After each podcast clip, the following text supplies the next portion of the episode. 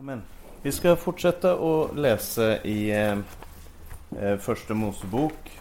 Och så ska vi göra lite samma sak som vi har gjort tidigare. Vi har tagit ett, eh, ett tema, något som är centralt i eh, om Edens hage. Och så har vi följt, följt den tanken genom hela Bibeln. Och tanken är inte att vi ska eh, tömma ut det här eh, eh ämne, eller någon av dessa ämnen på någon som helst måte. Jag prövade att ta någon stickpröver eh, genom hela Bibeln eh, för att se att vi vår forskjellige landningsstäder som jag menar är väldigt centrala för dessa tankarna. Där vi så för exempel om, om människets natur och, och där vi har sett om den här floden som vi såg de sista två gångerna. Så det är tanken att, att när du läser Bibeln själv Eh, när du studerar den på dig själv och när du är i, i bön inför Gud och sånt. Att dessa tankarna ska, ska vara med dig och att vi ska med hjälp av dem kunna växa i, i tro till Gud, i vår tillbedelse till Gud och så vidare. Och vi ska läsa ett vers i eh, Första Mosebok. Nu, nu har vi i stort sett tagit det här, vi har följt texten eh, vers för vers, men vi ska faktiskt hoppa till det tredje kapitlet och så ta något som kanske borde ha varit det första bibelstudiet för det är ganska grundläggande för hela tanken om Eden. Men eh, eh vi vet att då Adam och Eva eftervärt fallt i synd eh, så de spiste av eh, träet till kunskap om gott och ont. Och de eh, upplevde det att eh, eh de fick syn på, de förstod att de var nakna eller de, de skammet sig över att de var nakna. De var nakna tidigare och de skammet sig inte. Nu uppdaget de noe. Deras ögon blev öppna och de skammet sig och de skjulte sig. Och så står det i det tredje kapitlets eh, sjunde vers. Då blev bägges ögon öppnet och de skönte att de var nakna. Så flättet de samman fikenblad och band dem om livet.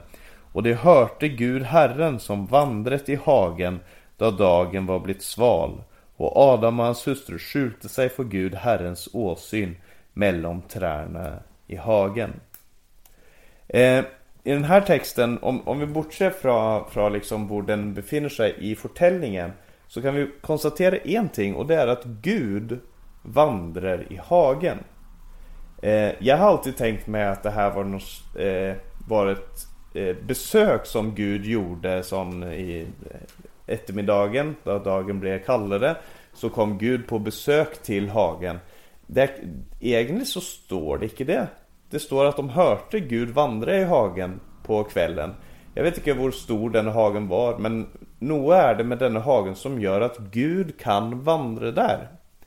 Eh, jag tror att det var ett sted för Guds närvaro, vår Gud vandret omkring. Och det är intressant för det att man må alltid spöra sig själv när man läser något i Bibeln eller man ser något som Gud gör. Eh, så må man spöra sig själv, varför? Varför gör Gud det här? Vad är tanken? Vad, vad ligger bak det han, det han gör och vad är hans mål med det han gör? Vad är hänsikten? Och när man ställer sig det spörsmålet så om man får svar på det så blir saker och ting mycket lättare på en måte. Eh, det finns det här uttrycket, eh, på, på engelska så ser man ibland 'everything's a hammer' Allting är en hammer Och det är som, du, du kan bruka vad som helst till att, att banka med. Eh, Bara det är en ting så kan du banka med den. Men det är inte alla ting som är egnet för att banka med. Så det är först när du förstår vad gitarren eller, eller boka eller mobiltelefonen eller något annat är tänkt att vara Som du börjar att bruka den på riktig måte. Eh, och du, du kan bruka den till andra ting eller du kan bruka andra ting för detta målet. Men där när saker och ting kommer på riktig plats som det börjar att, ge mening. Om inte alltid blir lättare så ger det i alla fall mening. Och det är sådant jag tror att vi kan spöra oss själv eh, Varför skapte Gud? Och när vi får svar på det Eh, då börjar vår existens och ge mycket, mycket mer mening. Och vi är troende, vi tror på Gud, vi har tagit emot Jesus Kristus som frälser. Och därför så är det eh, helt klart att jag tror att vi är betydligt närmare svaret än andra människor. För vi har Gud med i regningen, i regnestykket, och vi, vi ser vi, vi, kan se sånt som att, eh, varför, varför skapte Gud? Jo, för det att han ville frälsa ett folk, eller fordi han ville eh, vinne en brud for, for sin eh, sønn. Hvorfor skapte Gud? Fordi han ville vise sin ære. Eh, jeg har brukt det bildet, eller det, det uttrykket mange ganger, at målet er at Gud skal bli æret, og at vi skal fryde oss i ham i all evighet.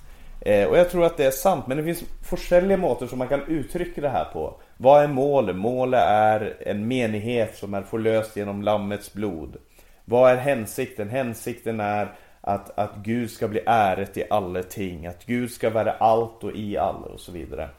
Och jag tror att ett av svaren på spörsmålet, eller ett av perspektiven, en måte att svara på spörsmålet varför har Gud skapat? Är akkurat det som vi läser i detta verset Nämligen att Gud ska vandra samman med Adams barn. Gud ska vandra samman med människor. Fällskapet mellan Gud och människa, det är målet med människeskapelse. Och Eden är ett mötessted och det är ett ord som jag kommer till att bruka mycket detta och nästa möte. Det handlar om ett mötessted ett sted där Gud och människa kan mötas. Och Eden är ett møtested på många flera måter. Det är för exempel ett møtested mellan orden och kaos. Alltså orden i betydningen människor var där och de satt, gav namn till ting och placerade ting och satte ut ting och sånt och samtidigt kaos för det att det man arbetat med, det var en vildvuxen natur. och så skapade man ut av den vildvuxna naturen skapade man en hage. Eh, och det den här eh, balansen balansen mellan orden och kaos som är till stede där i Edens hage. Men det är också ett möte mellan himmel och jord. Eh, det, det åndelige och det, och det materiella. Det är ett møtested framför allt där Gud och människor kan vara samman. Och vad ska till för att Gud ska kunna vandra på jorden? Det är ett otroligt viktigt spörsmål. Vad ska till för att Gud ska kunna ha en kontakt över flate här på jorden. Och vi vet att eh, eh, vi vet att eh, Adam och Eva och Edens hage gick tappt. Paradiset gick tappt. Och, eh, men, men det är inte slutet på historien, det är begynnelsen på historien. Eh, historien begynner med Edens hage och att Eden gick tappt. Och så begynner Gud och arbeta på nytt. För Eden var ett sted för, för tillväxt, ett sted för att möta Gud. Et sted for å ta del av livets tre, og for å eh, vokse till det evige liv. Det var tanken. Man skulle leva i det här förhållet med Gud. Det var en helig mark, en hel, ett heligt sted, fordi Gud är där. Men om vi ser då att det här gick tappt och det gick tappt i faktiskt i det ögonblicket som vi läste om här. Där Gud vandrade till hagen och han mötte människor som skammet sig, som skjulte sig för de var nakna. Men om vi går framover och vi ska ta en resa som vi har gjort tidigare igen genom skriften. Om vi går fram till det elfte kapitlet. Så är vi då efter eh, Noas ark och den, eh, ska vi se, nya begynnelsen. Eh, och Noa av det sker igen då Noa där Noas barn och barnbarn och barnbarnsbarn finner Siniarsletten. Eh, vi läser i det elfte kapitlet från det första verset. Hele jorden hade ett språk och samma ord. Det skedde då de drog fram mot öst att de fann en slätte i landet Sinier och de bosatte sig där. De sa till varandra. Kom, låt oss göra teglstein och bränna dem gott. De brukte tegl till stein och jordbek för mörtel. Så sa de, Kom, la oss bygga oss en by och ett torn som når upp till himmelen. La oss göra oss ett namn, eller vill vi bli sprätt över hela jorden. Då steg Herren ned för att se byen och tornet som människornas barn byggde. Och Herren sa, se det, de är ett folk och de har alla samma språk. Detta är det första de företar sig. Nå vill ingenting vara umulig för dem, vad de så får i sinne att göra. Kom, la oss stige ner och forvirre deres språk, så de ikke forstår hverandres tale. Så spredte Herren dem derfra ut over hele jorden, og de holdt opp med å bygge på byen. Derfor ble byen kalt Babel, for der forvirret Herren all jordens tungemål, og derfra spredte Herren dem ut over hele jorden. Eh, det här är den välkända historien om, om Babels eh, torn, Babelsbyen och tårnet. Och jag tror att det här är människans försök på att skapa Eden och mötesstäder mellan himmel och jord. För det var det som var tanken med detta tornet. Och senare i, i alltså i, om, vid utgravningar i området runt Babel så finner man det som kallas för eh, sigurat. Och en sigurat, om jag uttalar det riktigt vet jag inte, men en ziggurat det är ett sånt torn där det finns en trapp. Och den trappen är till för att gudarna ska kunna sätta sin fot ner på det där tornet och så ska de komma ned till människor. Eh, målet är alltså att tvinga gudarna, eller Gud, ned på jorden. Och få den kraft, den energi, den, den eh, kunskap och så vidare som är i himlen få det ned till oss på jorden. Det är tanken. Vi ska laga torn, vi spiss ska nå helt till himmelen. Så att vi kan erobra himmelen och dra himmelen ned till oss.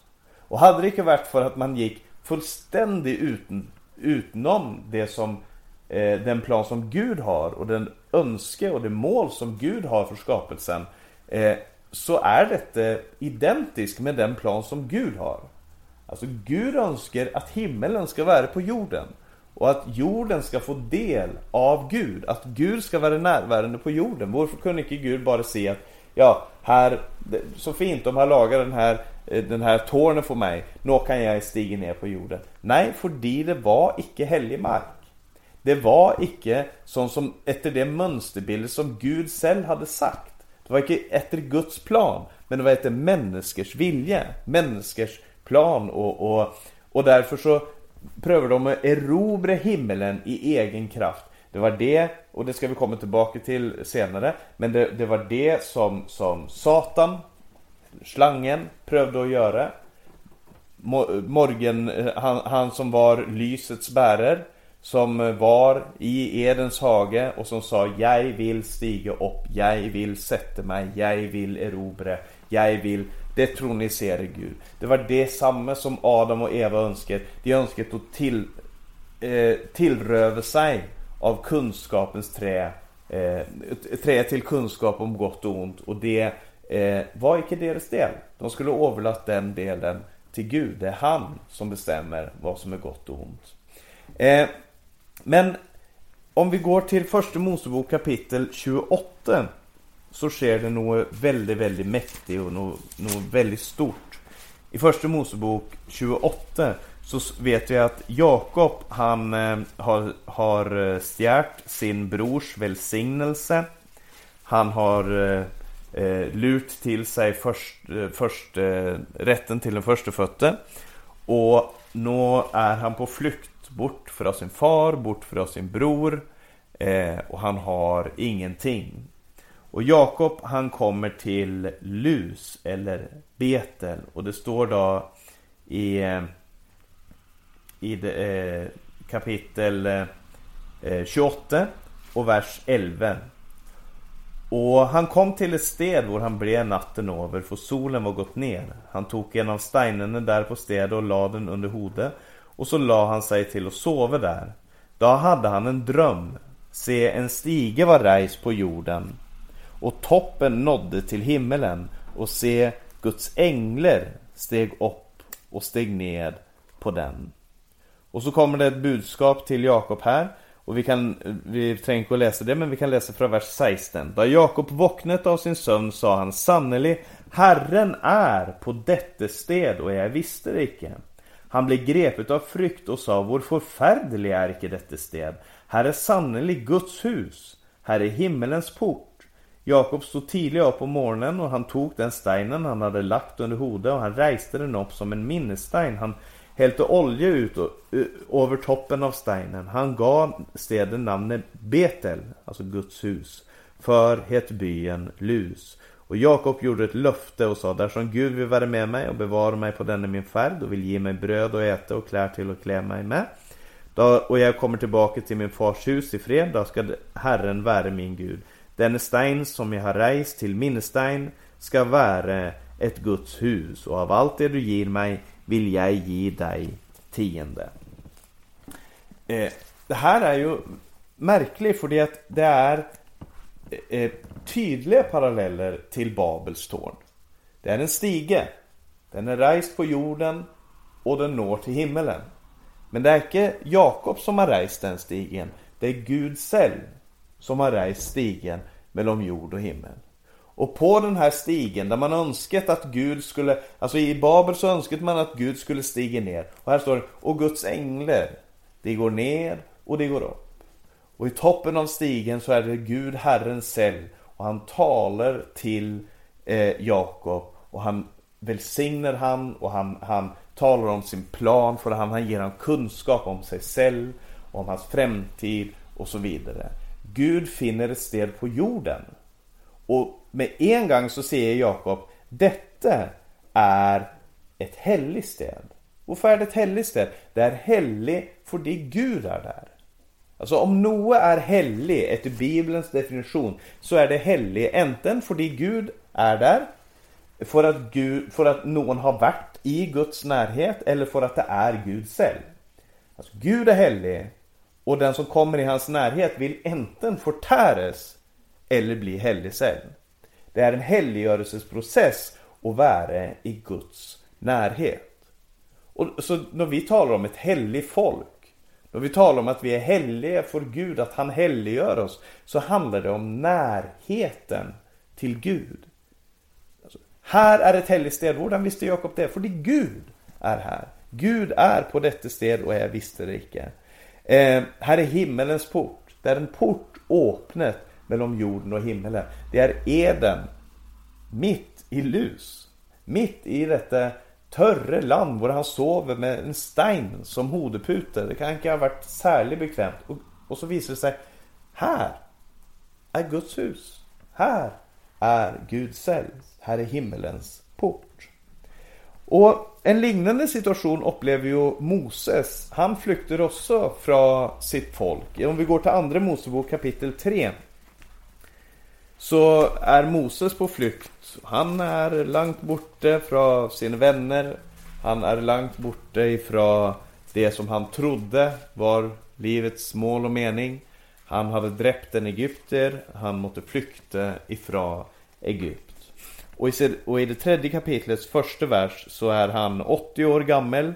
Han har gift sig med, eh, med eh, prästens son den är... Eh, här? Prästens dotter, som sagt. Han har gift sig med, med Reuels eh, dotter.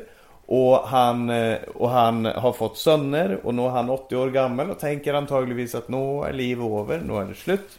Eh, men så står det då Reuel eller Getro som han också heter, det står det från det första verset. Moses gett ett småfet hos Getro, sin svigerfar, prästen i Midjan. En gång drev han småfed bortom mörknen och kom till Guds berg, till Horeb. Där uppenbarte Herrens ängel sig för ham i en flammande ill mitt utav en tornebusk. Han såg upp och se tornebusken stå i lys lue, men tornebusken brant icke upp. Mose sa, jag vill gå bort och se detta underfulla syn att tornebusken icke bränner upp. Då Herren såg att han kom bort för att se ropte Gud till honom mitt utav tornebusken och sa Moses, Moses och han svarade ja, här är jag. Då sa han kom icke närmare, dra dina sko av fötterna för det sted du står på är helig grund. Så sa han, jag är din fars Gud, Abrahams Gud, Isaks Gud och Jakobs Gud. Då skjulte Moses sitt ansikt för han fryktet för att se Gud. Här, här är ju då ett nytt möte med Gud på jorden. Det är en tornebusk som har vuxit upp av jorden och det är en ill som kommer ifrån Herren. Det är ett möte mellan, ska vi säga, det jordiska och det himmelska. Hos Jakob var det en stige som var rejst mellan himmel och jord. I, hos Moses så är det en tornebusk som bränner uten och bränner upp. Eh, det är en busk och det är ill, det är om du vill jord och det är himmel. Och marken där Moses närmar sig Gud, den blir helig. Det blir helig mark. Varför det? För det Gud är i busken. Herrens ängel är i busken och marken runt blir helig. Husk det, för det, är väldigt viktigt. Då har vi kommit fram till då har vi kommit fram till en samling sån som den vi har här och nu. För det att utan, utan att avslöja vad jag tänkt att se i nästa möte så står det faktiskt i Bibeln Vår to eller tre är församlet i mitt namn. Där är jag mitt ibland dem. Detta är ett helgested på samma måte. Alltså det är inte, det är inte bilder i gamla testamentet och så får vi uppleva verkligheten. Det är en verklighet då. Då Moses fick uppleva det. Det är en verklighet nå. Det är samma Gud. Det är samma helighet. Som vi får uppleva där vi samlas i all enkelhet, synger någon sanger, ber någon böner, öppnar Guds ord och läser det samman. Det är den samma helighet och den samma ärefrykt vi borde föra som den Moses före då han böjer sitt hode av frykt för att se Herren. Det är samma det är samma helighet. Det är samma Guds närvaro. Och men vi ska inte riktigt dit helt ännu. Vi ska gå till, eh, för, för det att Moses blir då kallt till att föra folket ut av Egypt. Och han eh, går in i, i Egypt, han har kampen mot farao och hans guder. Och han vinner seger genom Herrens hand. Och han för folket ut av, eh, eh, ut av Egypt. Och då vi kommer ut av Egypt så kallar Gud dem till eh, till eh, det här fjället, Sinai eller Horeb. Och där vid Sinai så ingår Gud en pakt med dem. Och jag har inte tänkt på det så mycket tidigare men när man läser den texten så har den väldigt mycket fälles med rätt och slett en äkt, ett äktenskap att göra. Gud ingår en äktenskapspakt med Israels folk. Han har visat dem vad han är, om du vill, vad han är god för. Han har fört dem ut i öknen, han har utvalt dem och sagt du är den jag vill ha. Icke för det du är störst, icke för det du är bäst, icke för det du är mest trofast, för det jag älskar dig. Och så för han dem ut av Egypt och han för dem till sitt fjäll och där ska de ingå den här pakten. Och det börjar med att Gud fortäller vad som är villkoret för pakten. Och så ska vi läsa då i Andra Mosebok kapitel 24. Vi går till det 24 kapitlet. Och vi läser någon vers där. Vi, vi, vi tar tid eh, till att läsa dessa verserna från det första till och med det elfte verset. Till Moses sa han, stig upp till Herren du och Aron, Nadab och Abihu och söttio av Israels äldste, och det ska tillbe på avstånd. Bara Moses ska komma när till Herren, de andra ska icke gå när till, och folket ska icke stiga upp med han. Så kom Moses och försynte folket i alla Herrens ord och alla lovene, och hela folket svarte med en röst. Alla de ord Herren har talt vill vi hålla oss efter. Så skrev Moses upp alla Herrens ord. Han stod tidigt upp på morgonen och byggde ett alter nedanför fjället och reste tolv stötter för de tolv Israels stammar. Sedan sände han någon unge män av Israel dit. De bar fram brännoffer och offret slaktoffer och oxer till fredsoffer för Herren. Och Moses tog halvdelen av blodet och hälte det ut i skålar och halvdelen av blodet stänket han på altaret. Så tog han paktens bok och läste den upp för folket och, han, och de sa Allt det Herren har sagt vill vi göra och lyda. Eh, då tog Moses blodet och stänket det på folket och han sa Se detta är paktens blod, den pakt som Herren upprättar med dere på alla dessa ord. Så steg Moses och Aron, Nadab och Abiho och sötte av Israels äldste dit upp, och de såg Israels Gud. Under hans fötter var det liksom ett gulv av genomsiktig safirsten, klart som selve himmelen. Han löftet icke sin hand mot de främsta av Israels barn, men de skuet Gud och åt och drack. Amen. Om vi tänker oss det här som en, som ett, som en äktenskapspakt, som ett bröllop rätt och slätt. Så har vi alltså först äktenskapslöftena om du vill. Att det blir Gud säger detta är villkoret för äktenskapet. Och detta förbinder Gud sig till att göra för sitt folk. Och detta är vad han förväntar sig av det folk som han ska ingå i detta äktenskapet med. Okej. Okay. Så svarar de då, både i, i eh, vers eh, 3 och i vers 7 så säger de Allt det Herren har sagt vill vi göra och lyder. Det är Israels motto att se sitt ja på. Tager du denne ja. Det, nu ingår vi i denna pakt. Och så kommer det ett möte mellan Israel genom sina representanter. Det är Moses, det är två präster, Nadab och Abihu och det är 70 av Israels äldste som går upp på fjället för att se Gud. De får se Gud och de beskriver, inte Gud, men de beskriver vad som är under hans fötter. Det är safirblått som själva himmelen. Och de får sitta där och Gud, istället för att löfta sin hand emot dem, alltså dräper dem, få dem bort ifrån det stället, för de, de är ju helt klart uvärdiga. Så får de leva. Och de spiser och de dricker. De har ett måltid. Ett bröllopsmåltid samman med Herren. De äter och de dricker samman med Herren. De har ett bröllopsmåltid. Och så skulle man ju då förvänta sig att nu kommer eh, konsumtionen av äktenskapet. Nu, nu går vi in i bröllopsnatten. Nu, nu kommer det här förhållet till att börja. Nu, nu ska det börja detta förhållet mellan Gud och hans brud, hans folk, hans Israel. Men, men det som sker är att Moses går in i skyn.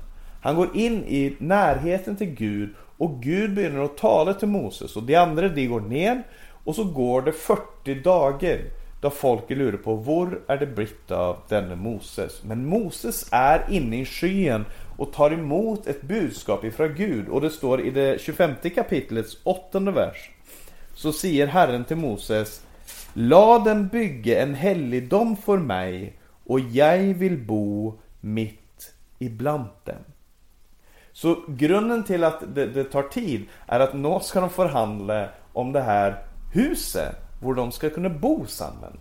Ett sted var Gud och hans brud ska mötas. Var de ska kunna bo samman. Ett vart äktenskap tränger närhet, ett vart äktenskap tränger ett hus. Och, och nu säger Gud, la dem bygga efter detta mönster, la dem bygga ett hus för mig, för att jag vill bo ibland det. Jag vill genopprätta eden. Jag vill vandra med den. Jag vill vandra med dem som jag vandrat med, med Enok. Enok vandrat med Gud, till Gud tog han bort. Där han vandrat samman i fällskap med Gud. Och det önskar Gud igen. Och han säger, jag vill bo ibland dem. Det är inte människorna som säger, förresten borde vi inte bygga ett sted var, Gud, där vi kan möta Gud. Det är Gud som säger, jag vill. Jag vill bo ibland dem. Guds önske är att bo ibland sitt folk. Och så kommer de här kapitlen här, där Gud förklarar. Och så står det i det 25 kapitlets sista vers. Och, och det här är bara begynnelsen, och det är det jag syns är så intressant. Det här är bara begynnelsen på förtällningen om tabernaklet. Men för det, det är det som ska byggas då. Det här huset, det här eh, tältet, sammankomstens tält. Se nå till, står det i det 40 verset, att du gör allt efter det bilde som blev vist dig på fjället. Alltså Moses, se till att du gör efter det bilde som blev vist dig på fjället. Mönsterbilder. Och jag har tänkt, vad, vad är det för mönsterbilder han talar om här? Och det finns, jag skulle vilja säga, det finns framförallt tre möjligheter. Eh, för det första så kan det vara så att Gud rätt och slätt fortäller ham allt, alla de här detaljerna om tabernaklet. Du ska göra sån, du ska göra sån, det ska vara disse molnen, det ska vara disse materialen. Eh, allt detta. Eh, att det är mönsterbilder. Alltså eh, Moses, bygg sån, bygg sån, bygg sån. Här är mönsterbilder. Ett, ett kart, en tegning över hur ska eh, tabernaklet se ut. Det är en förtolkning. En annan förtolkning är den att då Moses är uppe med Gud på fjället, att han får uppenbart för sig det vi läser i första Mosebok, alltså det som skedde för Moses. Från skapelsen fram, fram till, till Moses födsel, om du vill. Så någon gång så må ju Moses ha fått den informationen. Om man tänker sig då att Gud, han fick se Edens hage. Och han bygger tabernaklet efter det mönsterbilder som han fick se på fjället. Alltså efter Edens hage. Efter det mönstret som han såg där så bygger han ett tabernakel. Det är den andra förtolkningen. Det finns många som, som, som eh, håller till den förtolkningen. Den tredje förtolkningen är att han får se in i själve himmelen. Han går in i skyen och får möta Gud i hans tronhimmel. Och efter det mönsterbildet skapar han ett tabernakel på jorden. Som har samma struktur, samma eh, ting och är byggd efter samma tanke som då Gud skapade himmelen. Det är, eh, tror jag, den riktiga förklaringen till gör efter det mönsterbild som du såg. Det du fick se där uppe på fjället. Det mönsterbildet ska du bruka. Och jag, jag tar inte det helt utav luften. För det står i Hebreerbrevets åttonde kapitel. Vi kan ju läsa det för vi vänder tillbaka till den här texten. I Hebreerbrevet kapitel 8 så står det i eh, eh, det femte verset, och det här handlar ju om Jesu ypperste prästliga tjänste. Eh, så står det i det femte verset om de som är präster här på jorden. Och så står det de, alltså de prästerna som är nå, de gör tjänste vid en helgdom som är ett avbilde och en skygge av det himmelske, slik som Moses fick besked om då han skulle bygga tabernaklet. Se till att du gör allt efter de bilde som blev vist dig på fjället. Så, så han, han, han har den förtolkningen här. Och då menar jag att man står på, står på rimlig god grund. Eh, Hebreerbrevets författare säger Gör, han, han, eh, det jordiska tabernaklet är ett skygge av det himmelska. Och det Moses skapar är alltså ett skyggebilde, ett tredimensionalt skyggebilde av det himmelska för att Gud ska ha ett sted att bo på jorden. Okej. Okay. Vi går tillbaka till Andra Mosebok. Och i det 29 kapitlet, Andra Mosebok kapitel 29, eh, så står det då ifrån det 38 verset. Vi läser någon vers här också. Detta är det du alltid ska offra på altaret. Hver dag två årsgamla lamm. Det ena lammet ska du offra om morgonen och det andra lammet ska du offra mellan de två aftonstunder. Samman med det första lammet ska du offra tiondedelen av en efa fint, fint mel blandat med fjärdedelen av en hin olja av knuste oliven och till drickoffer fjärdedelen av en hin vin. Det andra lammet ska du offra mellan de två aftonstunder med det samma matoffret som om morgonen och med det samma drickoffret ska du offra det. Det ska vara till en välbehaglig duft, en ildoff, ett ildoffer för Herren. Detta ska vara ett stadigt brännoffer hos deras efterkommare. Det ska bäras fram för Herrens åsyn vid ingången till sammankomstens tält, där hvor jag vill komma samman med dere för att tala till dere. Där vill jag komma samman med Israels barn och tältet skall helliges vid min härlighet. Jag vill hellige sammankomstens tält och altare och Aron och hans söner vill jag hellige till att tjäna mig som präster. Jag vill bo mitt ibland Israels barn och jag vill vara deras Gud och de ska känna att jag är Herren deras Gud som förde dem ut av landet Egypt för att bo mitt ibland dem. Jag är Herren deras Gud.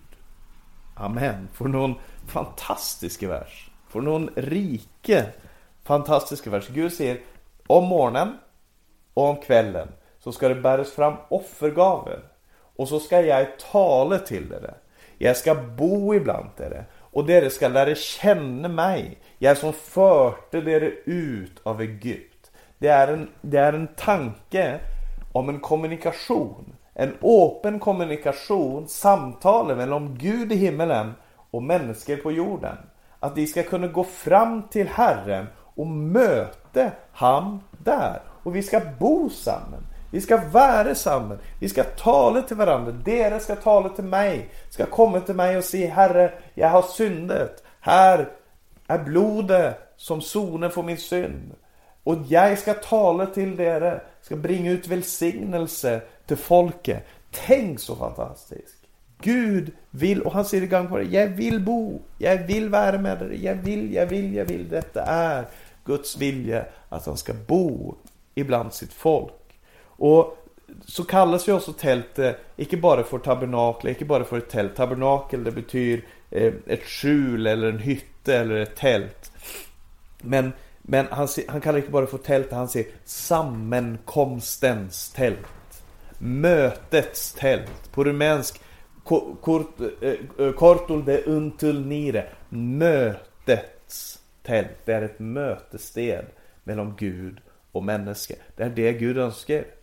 Det är det Gud önskar. Och eh, i kapitel 40 så har de byggt färdig eh, tabernaklet. I and, andra Mosebok kapitel 40, det är det sista kapitlet.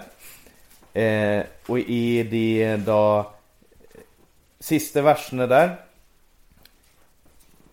I det, vi kan läsa från vers eh, 32. När de gick in i sammankomstens tält och när de trådde när till altaret vasket i sig, liksom Herren hade befallt Moses. Och nu är alltså, nu är alltså allting akkurat färdigt. Så satte han upp förgården omkring tabernaklet och altaret och hängde upp täppe för porten till förgården. Slik fullänte Moses verket. Nu står tabernaklet helt färdigt. Och så står det Då däcket skyen sammankomstens tält och Herrens härlighet fyllde tabernaklet. Moses kunde icke gå in i sammankomstens tält för de skyen vilte över det och Herrens härlighet fyllde tabernaklet. När skyen löfte sig från tabernaklet bröt Israels barn upp, slik gjorde de på alla sina färder. Men när skyen icke löfte sig, bröt de icke upp, men väntade till en dag då den löfte sig igen. För Herrens sky låg över tabernaklet om dagen, och om natten lyste den som ill, för att alla Israels barns ögon Eh, på alla, för alla Israels barns öjne på alla deras färder. Så Gud, när tältet står färdigt då flyttar Gud in.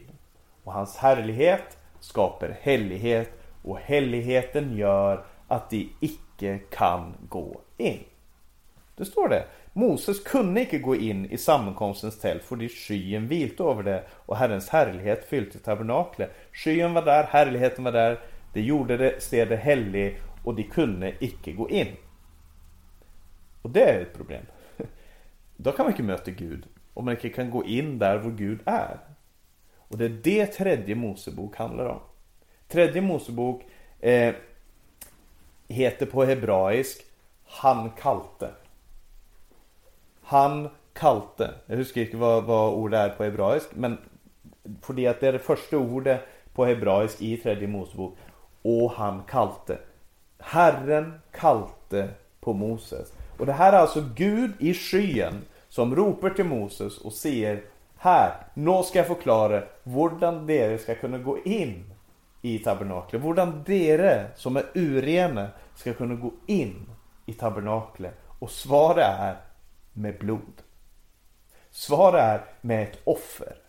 Det är bara genom ett offer som dere kan gå in i tabernaklet. Och ju närmare du ska komma Guds helighet, ju mer eh, hellig offer må det vara.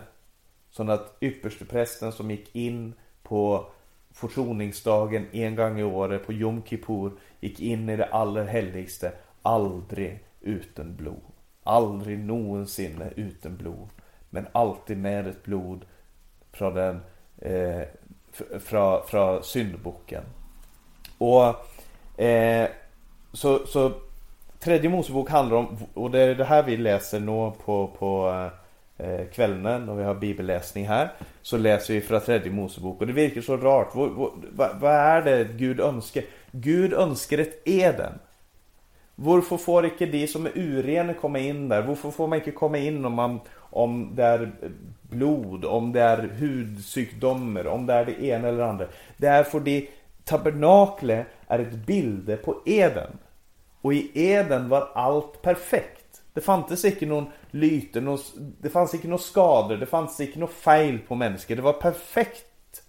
Och det är det Gud önskar att manifestera i tabernaklet. Sån att det i tredje Moseboks nionde kapitel står och där, här har vi då haft skylloffer, fredsoffer, alla slags offer som Gud har talat om. Och i det nionde kapitlet Ser att tiden går här, Vi ska bara ta några minuter till. I det eh, nionde kapitlet så står det i det 22 verset Aron löfte sina händer över folket och välsignet dem. Så steg han ned efter att han hade offret, syndoffre och brännoffre och fredsoffre. Därefter gick Moses och Aron in i sammankomstens tält. Och då de kom ut igen välsignet de folket de åpenbarte herre, da åpenbarte Herrens härlighet sig för hela folket. Det gick ill ut från Herrens åsyn och förtärte brännoffret och fettstyckena på altaret och hela folket såg det, och de ropte höjt av glädje och fallt ner på sitt ansikt. Så, då allt stod färdigt så kom härligheten dit. Och då offret var på plats, då kunde människor gå in i det. Det är tanken. Herrens härlighet är, offret där, vi kan gå in i närheten till Gud. Og da åpenbarte Herrens härlighet sig för hela folket, och folket fallt ner och tillbad. Det är eh, tabernaklet. Och Vi ska komma tillbaka till tabernaklet flera gånger framöver. Men se hur fantastiskt. Och detsamma har du i, i templet. Och Vi ska gå till andra krönikboken till sist här idag. Andra krönikebok där eh, Salomo har fått bygga templet Eh, det är större, det är lite andra materialer, men det är samma tanke, det är samma struktur, det är samma... eh, samma dimensioner men det är, det är utvidet, det är större och så vidare. Men, men det är samma tanke här Och i, i eh, Andra krönikeboken kapitel 6, och vi ska läsa någon vers här de første to versene så står det, andre krønikeboken 6, vers 1. Da sa Salomo, Herren har sagt att han vill bo i det dunkle, och nå har jag byggt ett hus till bolig för dig, ett sted hvor du kan bo till evig tid. Ett sted hvor Gud kan bo. Vi läser vers 17. Herren Israels Gud, så la nå det ordet bli sannhet som du har talt till din tjänare David. Men bor da Gud virkelig hos menneskene på jorden? Se, himlene og himlenes himler rom, rommer deg ikke. Hvor meget mindre da dette hus som jeg har bygd? Men du vil likevel vende deg til din tjeners bønn og til hans ydmyke begjæring, Herre min Gud, og høre det rop og den bønn som din tjener bærer fram for ditt åsyn. La dina ögon vara öppna över detta hus dag och natt, det sted hvor du har talt om, det sted du har talt om och sagt att du vill ha ditt namn bo där, så du hör på den bön som din tjäner ber, vänt mot detta sted. Och så kan vi läsa vers eh, 40 och 41. Eh, 42. Min Gud, la nå dina ögon vara öppna och dina öron märke på den bön som stiger upp från detta sted. Rejs dig nå, Herre Gud, Kom till ditt vilested, du och din styrkes ark. La dina präster, Herre Gud, klä sig i frälse och dina fromme gläde sig i det gode. Herre Gud, vis icke din salves åsyn tillbaka. kom i hu den rike misskund som du har lovt David, din tjänare. Här är bönnen. Och bönnen handlar om Guds närvaro och om en öppen kommunikation. Att du ska höra den bön som vändes till ditt tempel. Och att du ska välsigna och svara på bön från ditt tempel.